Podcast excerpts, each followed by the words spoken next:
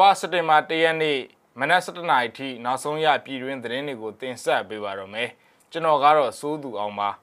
ကရင်အမျိုးသားအစည်းအရုံး KNU တမဟာ6နယ်မြေမှာတိုက်ပွဲဖြစ်လို့စစ်ကောင်စီဘက်က3ယောက်ဒဏ်ရာရရှိသွားပါတယ်တရုတ်နိုင်ငံရဲ့အထူးသတမန်ကြိုတင်ကြေညာမှုမရှိဘဲနဲ့မြန်မာပြည်ကိုလာရောက်ခဲ့ပါတယ်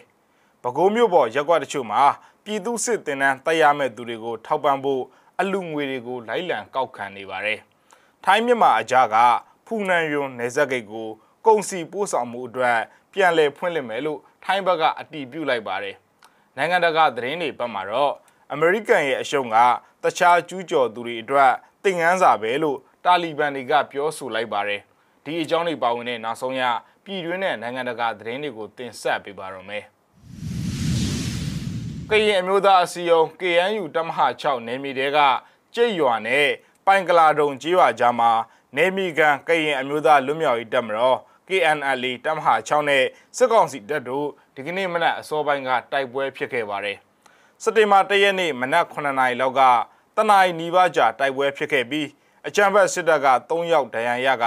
2ယောက်ကတော့ဒဏ်ရာပြင်းထန်တယ်လို့ KNLA တပ်ဖွဲ့ဝင်တွေကပြောကြောင်းကလူအဖန်ကဖော်ပြပါတယ်။စစ်အုပ်စုက KNLA ထိန်းချုပ်ထားတဲ့နေမြေတွေကိုကျူးကျော်ဝင်လာတာကြောင့် တိုက်ပွဲဖြစ်ရတာလို့လည်းဒေသခံတွေကပြောပါတယ်။အာနာသိန်းအကြမ်းဖက်စစ်အုပ်စုဟာမင်းညပိုင်းကကြိတ်ရွာကနေပိုင်ကလာတုံကြီးရွာဘက်ကိုနေမီကျူးကျော်ရောက်ရှိလာပြီးပိုင်ကလာတုံနားမှာရောက်ရှိနေခဲ့တာပါ။စစ်ကောင်စီလက်အောက်ခံ BGF တပ်တွေကလည်းတိုက်ပွဲဖြစ်ရာဒေသတဝိုက်ကိုဆင်းသွားတယ်လို့သိရပါတယ်။စစ်ကောင်စီတပ်သားတွေနေတဲ့ကြိတ်ရွာစခန်းကိုပြီးခဲ့တဲ့ရက်ပိုင်းက KNL ကမီးရှို့ဖျက်ဆီးခဲ့တာပါ။ အချမ်းဘတ်စစ်တပ်ကတမဟာ6နယ်မြေတွေကိုထပ်ပြီးတော့ကျူးကျော်လာနေတာကြောင့်တိုက်ပွဲပြင်းထန်လာမှာကိုစိုးရိမ်နေကြပြီးဒေသခံတွေကလည်းထွက်ပြေးတိမ်းရှောင်နေကြရပါတယ်ခင်ဗျတရုတ်နိုင်ငံကအာရှရေးရာအထူးကိုယ်စားလှယ်မစ္စတာဆွန်ကော့ရှန်ဟာဖိတ်ကြားချက်အရမြန်မာနိုင်ငံကိုဩဂတ်စ်လ22ရက်ကနေ28ရက်နေ့အထိလာရောက်ခဲ့ကြောင်းတရုတ်ဘက်ကတရားဝင်သတင်းထုတ်ပြန်ပါတယ်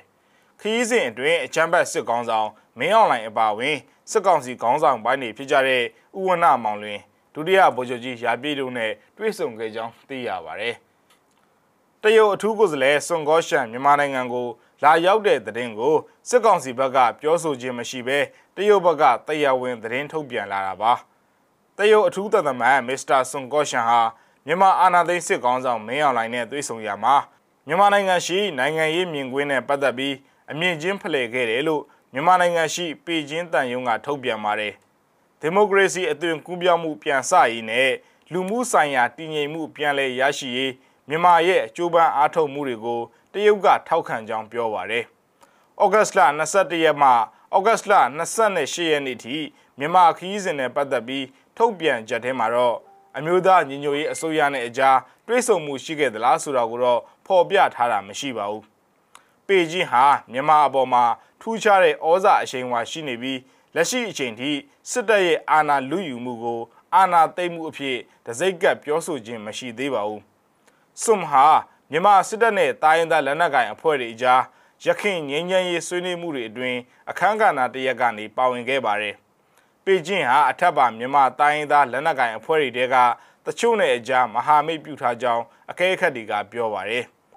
မြန်မာဟာပေကျင်းရဲ့ကြီးမားတဲ့ခါပတ်လန်ဒဇင်အခြေခံအဆောက်အုံစီမံကိန်းမှာအရေးပါတဲ့နေရာတစ်ခုလည်းဖြစ်ပါတယ်။ယမန်နစ်ကတရုတ်သမ္မတရှီကျင့်ဖျင်မြန်မာနိုင်ငံကိုလာရောက်ခဲ့ပြီးကိုပိုင်နိုင်ငံအခြေအနေအနေအထားတွေနဲ့ကိုက်ညီတဲ့ဖွံ့ဖြိုးရေးလမ်းကြောင်းတစ်ခုပေါ်မှာမြန်မာအစိုးရကိုထောက်ခံမယ်လို့ကတိပြုခဲ့ပါတယ်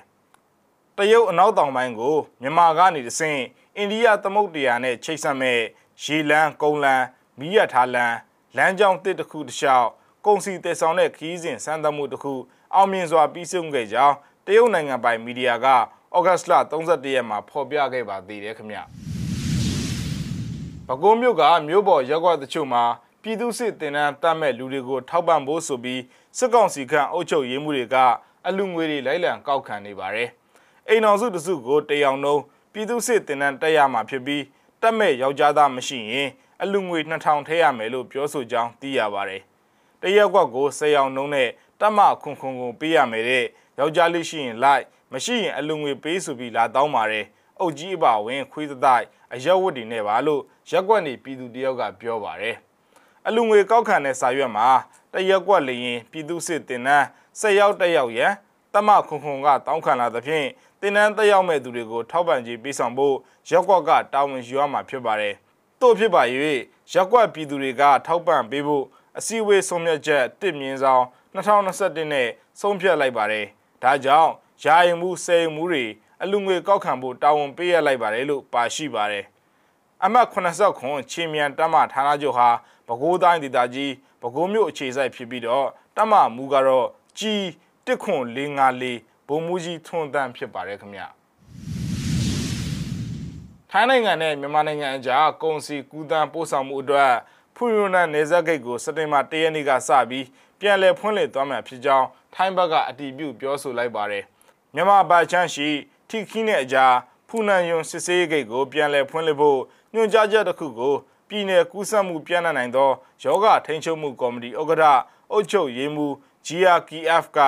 ဩဂတ်စ်လ31ရက်မှာထုတ်ပြန်ခဲ့တာပါ။နေဆက်ရှိမြန်မာဘက်အချမ်းမှာ ကိုဗစ်အခြေအနေရောပါထားခဲ့ပြီလို့သူကပြောပါတယ်။ထိခီဖူနန်ယွန်နေဆက်ဂိတ်ဟာနှစ်နိုင်ငံအကြားကုန်စည်စီးဆင်းတည်ပို့မှုအတွက်အဓိကအသုံးပြုနေတာပါ။အဒီဂိတ်ကိုစက်တင်ဘာ၁ရက်ကစပြီးတဖန်ပြန်လည်ဖွင့်လှစ်တော့မှလည်းဖြစ်ပါတယ်။အလားတူပဲအမိတ်ညွှန်ကြားချက်အောက်မှာမြန်မာဘက်အချမ်းဖျားသုံးစုမျိုးနဲ့အကြားကစောင်းခလာဘူရီနေဇက်ဂိတ်ကိုတော့စက်တင်ဘာ14ရက်နေ့အထိစက်ပိတ်ထားမှာဖြစ်တယ်လို့သိရပါတယ်ခင်ဗျ ဆက်လက်ပြီးတော့နိုင်ငံတကာသတင်းဘက်ကိုလည်းသွားရအောင်ပါအာဖဂန်နစ္စတန်နိုင်ငံကိုကျူးကျော်မဲ့သူတွေအနေနဲ့ဒီကနေ့မှာအမေရိကန်ကြုံလိုက်ရတယ်လို့မျိုးနဲ့ရင်ဆိုင်ကြရလိမ့်မယ်ဆိုပြီးတာလီဘန်ပြောခွင့်ရသူဇာဘီဟူလက်ဘူဂျာဟစ်ကကဘူးလေစိတ်ပြည်လန်းပေါ်ကသတင်းစာရှင်းလင်းပွဲမှာပြောလိုက်ပါတယ်အမေရိကန်ရဲ့နောက်ဆုံးပိတ်တက်တွေနိုင်ငံကနေထွက်ခွာသွားပြီးတဲ့နောက်မှာအခုလိုပြောဆိုတာဖြစ်ပေမဲ့အစ္စလာမစ်သဘောထားသင်းမာတဲ့တာလီဘန်တွေဟာ အုပ်ချုပ်ရေးမှာပို့ပြီးလမ်းဖွင့်ပေးမယ်ဆိုတဲ့သူတို့ရဲ့ကတိကဝတ်တွေကိုထပ်လောင်းပြောဆိုပါတယ်။အာဖဂန်နစ္စတန်အစ္စလာမစ်နိုင်ငံအနေနဲ့တာခင်းတမန်ခင်းလမ်းတွေကနေအမေရိကန်နဲ့ကောင်းမွန်တဲ့ဆက်ဆံရေးကိုလိုလားပါတယ်လို့မူဂျာဟစ်ကဆိုပါတယ်။အမေရိကန်ဟာ20ကြာစစ်ပွဲကိုအဆုံးသတ်ပြီးအာဖဂန်ကနေနောက်ဆုံးတပ်တွေထွက်ခွာသွားပြီးတဲ့နောက်တာလီဘန်တွေဟာတနတ်တန်တွေတန့်ခင်းတမန်ခင်းနေတဲ့အတူအာဏာအလုံးစုံသိမ်းပိုက်လိုက်ပြီးအောင်ပွဲခံကြပါတယ်။ တာလီဘန်တွေလက်အောက်မှာအသက်ဘေးစိုးရိမ်နေရသူပေါင်း3,200,300ကျော်ကိုကယ်ထုတ်ခဲ့ရတဲ့စိုးရိမ်မှုတွေကြားကလေကြောင်းကယ်ထုတ်ရေးလုပ်ငန်းစဉ်ကိုကြီးကြပ်ကိုခဲ့ခဲ့ရာကဘူးလေစိတ်ကိုအမေရိကန်တပ်တွေစွန့်လွတ်ထားခဲ့တဲ့သတင်းနာနေ့ညပိုင်းမှာပဲအမေရိကန်ရဲ့ရေရှည်စစ်ပွဲဟာအဆုံးသတ်ခဲ့ပါတယ်။အဲ့နောက်မှာတော့တာလီဘန်တိုက်ခိုက်ရေးသမားတွေကလေးစိတ်ထဲအလင်းအမြန်ဝင်ရောက်ပြီးအောင်ပွဲခံဂုံယူဝင်ကြွားတဲ့အနေနဲ့မိုးပေါ်ကိုတနက်တွေပြစ်ဖောက်ကြပါတယ်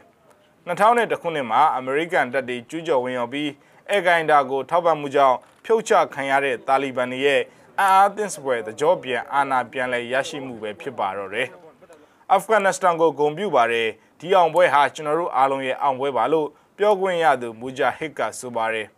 တာလီဘန်တွေရဲ့အောင်ပွဲဟာတခြားကျူးကျော်သူတွေအတွက်သင်ခန်းစာတစ်ရပ်ပဲလို့လည်းသူကဆိုပါတယ်။အာဖဂန်ပြည်သူအများစုကတော့တာလီဘန်တွေရဲ့အမိန်ကလေးတွေနဲ့ အမျိုးသမီးတွေအပေါ်ပြုမှုဆက်ဆံတဲ့နမဲဇိုးနဲ့ရက်ဆက်တဲ့တရားစီရင်ရေးစနစ်တွေကျင့်သုံးအုပ်ချုပ်ခဲ့တဲ့1996မှ2001ခုနှစ်တာလီဘန်အုပ်ချုပ်ရေးတကြောပြန်လာမှာကိုတုံလို့ခြောက်ချားလေးရရှိနေကြပါတယ်ခင်ဗျာ။